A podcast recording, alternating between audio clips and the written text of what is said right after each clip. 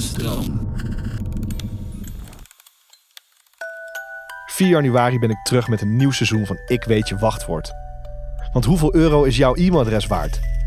Waarom zijn dakloze jongeren zo ontzettend belangrijk voor cybercriminelen? En hoe weet je of je ex nog steeds in je telefoon zit?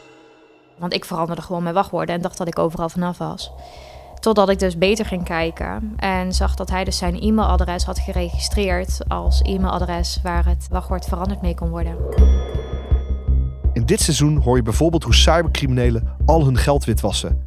En duiken we in de duistere wereld van spyware dat wordt ingezet om journalisten en activisten te dwarsbomen. Misschien gek om het zo uit te drukken, een beetje het gevoel alsof je in je blootje staat. Alsof iemand in je, in je badkamer, in je bed eh, binnenkomt.